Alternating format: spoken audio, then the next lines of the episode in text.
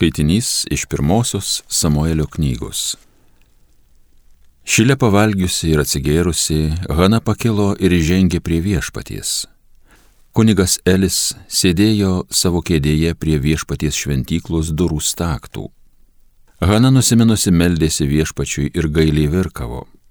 Padarė įžadą sakydama, kareivijų viešpatie, jeigu meilingai pažvelgsi į savo tarnaitės nelaimę, Jeigu mane prisiminsi ir savo tarnaitės neužmirši, jei dovanosi man sūnų, tai aš jį visam gyvenimui paskirsiu viešpačiui. Tegul jo galvos nepaliečia žirklis.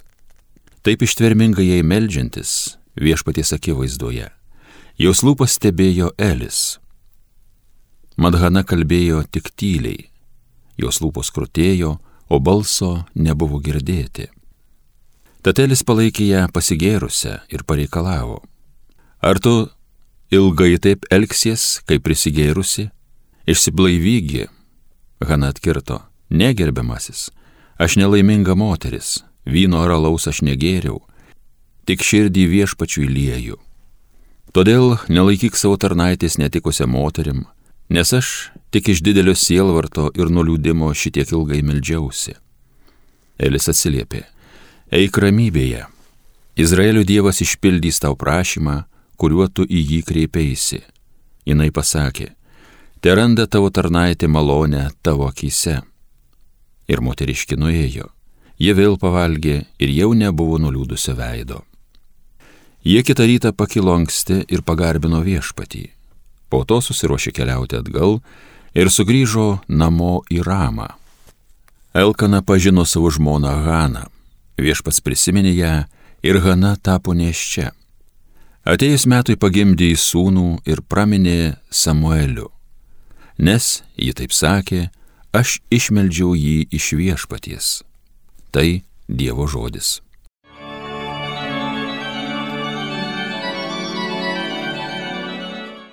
Mano širdis džiaugiasi viešpačiu gelbėtoju mano. Mano širdis džiaugiasi viešpačiu, Dievas man teikia stiprybę, džiūgauju priešus nuveikęs, viešpatie, tu man padėjai. Mano širdis džiaugiasi viešpačiu, gelbėtoju mano. Stipriųjų galybė sudūšta, silpnieji jėga apsijuose, sotieji darbuojas dėl duonos, jos alkia daugiau nebeskursta. Ta, kuri buvo bevaikė, pagimdo septynis, vaikingoji štai nužydėjo. Mano širdis džiaugiasi viešpačiu gelbėtoju mano. Mirtis ir gyvybė iš viešpaties rankų. Mirties viešpatijo nuvedęs iš jos ir gražina. Tad viešpats padaro vargšų ir turtingų, jis žmogų pažemina, jis ir išaukština. Mano širdis džiaugiasi viešpačiu, gelbėtoju mano. Jis pakelia vargšą iš dulkių, iš pelenų ištraukia beturtį, Jam sėstis pasiūlo kartu su didžiūnais, garbinga jam parenka vietą. Mano širdis džiaugiasi viešpačiu, gelbėtoju mano. Alleluja, alleluja, alleluja. Priimkite Dievo žodį ne kaip žmogaus žodį, bet kas iš tikro yra jis, kaip Dievo žodį.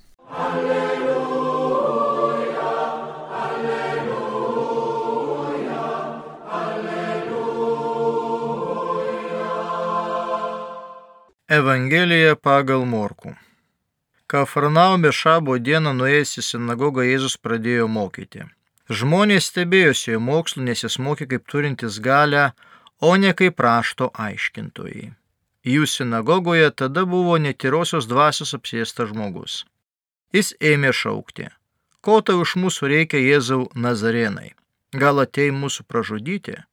Aš žinau, kas tu esi, Dievo šventasis Jėzus sudraudė jį, nutilk ir išeik iš jo. Tuomet netiroji dvasia pradėjo įtasyti ir baisiai šaukdama išėjo iš jo. Visi didžiai nustebo ir klausinėjo vienas kitą. Kasgi čia? Naujas mokslas su gale. Jis netgi netirosioms dvasioms įsakinėja. Ir tos jo klauso. Gandas apie jį greitai pasklido po visą Galilėjo šalį.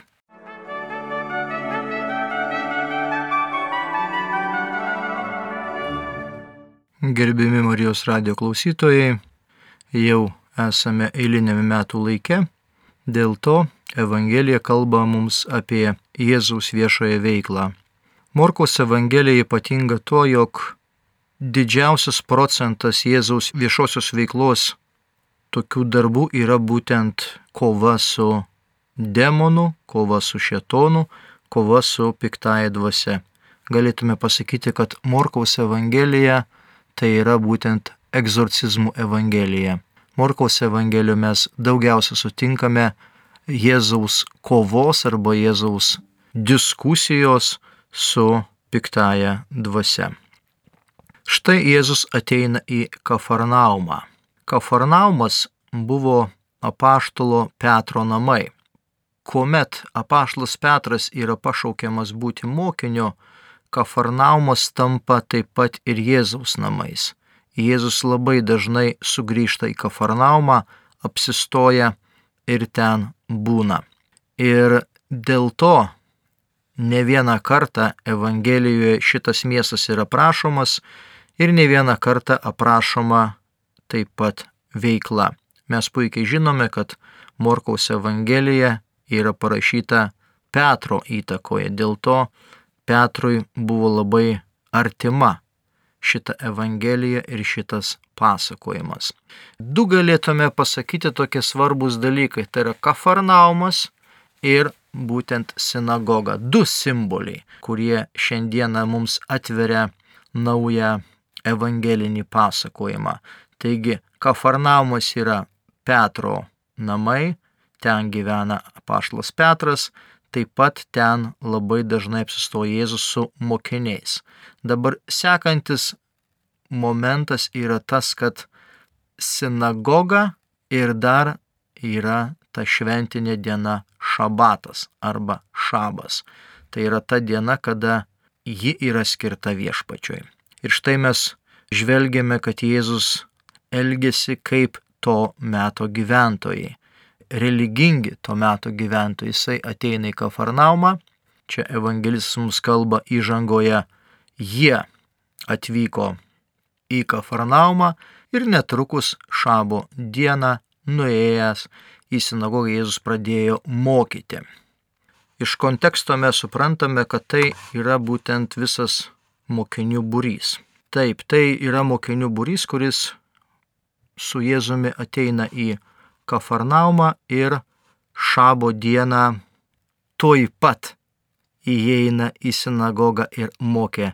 Morkaus Evangelijoje labai dažnas vartotinas žodelis toj pat, kuris parodo tokią, na, ekspresiją pasakojimo Jėzaus veikimo būdą, kad Jėzus ateina į miestą ir jam svarbiausia tame mieste yra sinagoga arba Dievo namai.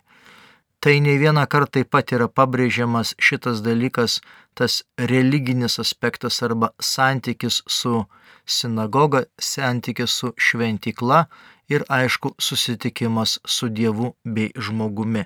Šitie elementai visada lydi evangelinį pasakojimą.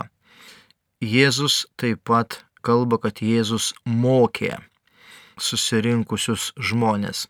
Morkus labai taip šabloniškai arba galima sakyti be jokių didelių niuansų kalba apie tą Jėzaus veiklą. Bet reikia pasakyti vieną dalyką, kad sinagogoje mokyti arba sinagogoje aiškinti visų pirma turėjo teisę tik tai sinagogos vyresnysis arba labai kažkoksai tai svarbus žmogus arba labai jau didelis svečias. O mes čia matome, kad atrodo, kad tai yra įprasta, kad Jėzus ateina ir jisai iš tikrųjų moko. Gali būti tai, kad Jėzus jau ne pirmą kartą ateina į Kafarnaumą ir dėl to jau žmonės jį pažįsta ir dėl to jam yra leidžiama kalbėti ir aiškinti Dievo žodį. Bet šiaip negalėjo bet kas ateiti į sinagogą, pakelti ranką ir pradėti kalbėti susirinkusiai bendruomeniai. Tai yra būtent atsakingas už bendruomenę, tai yra sinagogos vyresnysis, arba sinagogos vyresnysis gali paprašyti svečio arba kažkokio tai žinomo žmogaus, kad kuris galėtų prabilti į žmonės. Tai štai tokie labai svarbus, galima sakyti, simboliai tos pirmos eilutės, tai yra miestas Kafarnaumas, tai yra šabo diena, viešpaties diena ir tai yra susitikimas su tikinčiaisiais, su bendruomenė, su gyventojais, tai yra sinagoga. Sekant eilutė kalba apie tai, jog žmonės stebėjosi Jėzaus žodžio galybę. Žmonės stebėjosi jo mokslu, nes jis mokė kaip turintis galę, o ne kaip rašto aiškintojai. Šitą eilutę taip pat po savim slepia tokius įdomius labai simbolinius raktus. Visų pirma, tai turbūt tas pagrindinis žodis yra mokslas, graikiškai didache, ko pasiekoje vėliau buvo netgi parašytas toksai krikščionių pirmas pradžiamokslis, jeigu mes taip galėtume pasakyti, ir kurį naudojo pirmoji bažnyčia, tai yra būtent mokslas. Toliau sekantis yra toksai simbolis, kad Jėzus turi galę arba Jėzus turi valdžią. Graikiškai egzuzija yra valdžia ir aišku palyginant, o ne kaip rašto aiškintojai. Taigi opozicija yra būtent rašto aiškintojai. Jėzų lygino tie susirinkusieji su rašto aiškintojais ir jie matė, kad na tikrai Jėzus yra kur kas stipresnis, kur kas geriau kalba ir aiškina. Ir žiūrėkime dabar, Jėzaus tas kalbėjimas arba Jėzaus mokslas, jisai turi tą tokią na, galę arba valdžią netgi, na, tas, kuris per jį atrodo perėjęs tas būtent Dievo žodis. Ir žmonės tai labai jaučia, ką Jėzus kalba ir kuo Jėzus gyvena. Bet tai yra labai svarbu, reikia atkreipti dėmesį, kad Jėzus ne šiaip savo moko, ne šiaip savo aiškina Dievo žodį, bet jisai aiškina kaip tas, kuris turi būtent galę arba valdžią. Tai yra Jėzaus charakterio bruožas. Ir aišku, žmonės tai paprastai, na, lygina prie ko yra pripratę, kaip prie rašto aiškintojų arba kaip prie rašto mokytojų. Ir antra dalis pasakojimo mus jau nukelia apie konkretų susitikimą su žmogumi kuris yra apsėstas. Pačioje pradžioje evangelistas rašo apie apsėstojo pristatymą. Jų sinagogoje tada buvo netyrosios dvasios apsėstas žmogus. Štai tokia yra charakteristika. Jeigu žiūrėtume į graikišką tekstą, mes perskaitytume ir tuoj pat buvo sinagogoje žmogus dvasioje netyrojoje. Tai vėlgi tas žodelis tuoj pat tą tokią ekspresiją pasakojimo, kad čia vyksta viskas taiga, čia vyksta viskas labai greitai, viskas netikėtai, kuris būtent garsiai šaukia, garsiai šaukia arba ėmė šaukti, bet labiau galbūt garsiai šaukia, ko tau iš mūsų reikia Jėzau Nazarėnai, gal atėjai mūsų pražudyti, aš žinau, kas tu esi, Dievo šventasis. Graikiškas tekstas sako, kas mums tau, Jėzau Nazarėti. Čia yra pažodinis vertimas graikiško teksto. Kas mums ir tau, Jėzau Nazarėti, atėjai pražudyti mūsų, žinau tave, kas esi šventasis Dievo. Ir dabar šitas posakis, tichemin kaisoj, jisai yra kilęs iš, aišku, hebraizmo arba hebrajiško žodžio Mahly valak - semitų tautinė idioma naudojama norint atmesti prašymą, kas mums ir tau. Arba suprantama, ko nori iš mūsų, ką turime daryti su tavim, palik mus vienus arba duok ramybėje. Štai, tai būtent demonai, ne, nes čia yra kalbama jau tas žmogus prabyla, bet e, jisai save įvardina kaip daugiskaita, tai reiškia, kad tame žmoguje yra ne vienas demonas, o tai yra daugybė. Visų pirma, perfrazuojant, reiktų pasakyti, kad ta žmogus, kalbantis demonų balsu, sako, palik mus ramybėje, mes žinome, kas tu esi. Tu esi Dievo šventasis. Tai štai demonai atpažįsta Jėzų, arba demonas, arba demonai šitoje situacijoje, bet jie nori toliau būti, ar ne? Jie nori toliau tą žmogų užvaldę iš jo turėti naudą. O štai Jėzus įsakmiu balsu sutramdo demoną. Tai irgi labai yra svarbus dalykas. Jėzus sudraudė jį nutilk ir išeik iš jo. Pažodinis vertimas labai yra įdomus. Ir sutramdė Jėzus sakydamas, užsidėk savo ansnukį arba apynasrį ir išeik iš jo. Arba tai reiškia, kad nutilk. Tokia yra perifrazė. Ir atkreipkime dėmesį, kad šitoje vietoje, kada Jėzus vat, išvaro demonus, jisai nedaro jokių gestų, jokių prisilietimų, jokių kitų dalykų, bet jisai žodžiu, žodžio gale. Pasižiūrėkime pačioje pradžioje, kas buvo, kad kada Jėzus mokė, žmonės stebėjusi, kad jisai kaip turėjo valdžią arba galę. Tai Jėzus šitoje Evangelijoje parodo savo žodžio galę.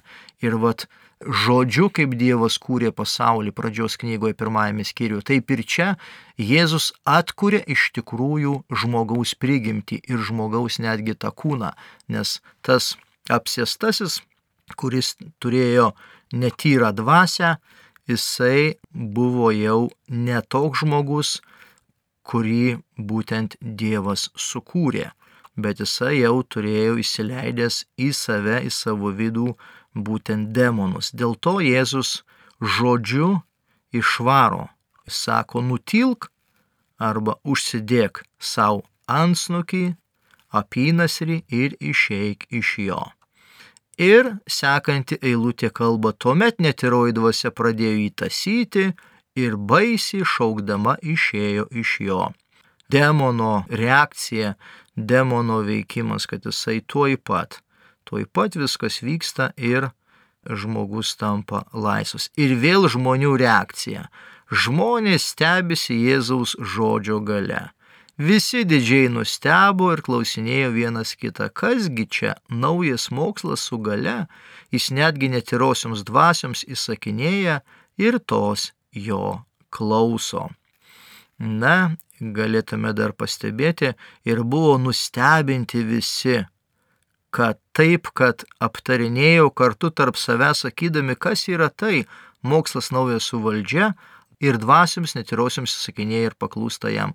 Vėlgi, brangiai, matome kalbą apie naują mokslą. Ne, jau pasikartoja dar kartą tas būtent mūsų žodis graikiškas didache, kuris parodo, kad tai yra labai labai įdomus reiškinys įdomus dalykas.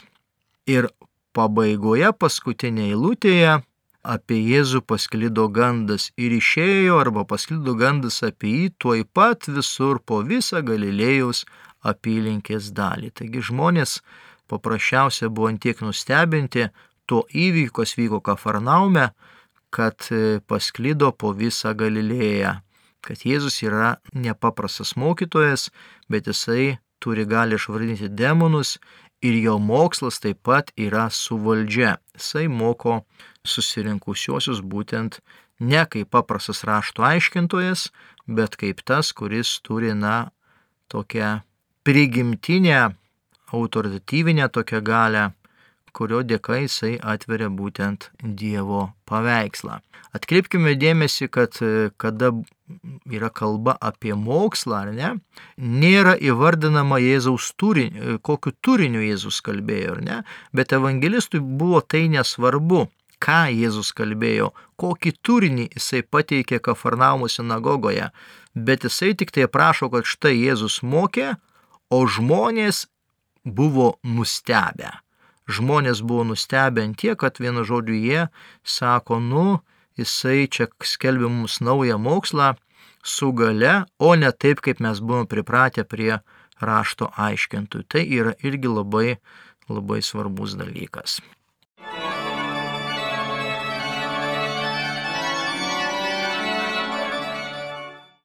Homilija sakė kunigas Linas Šipavičius.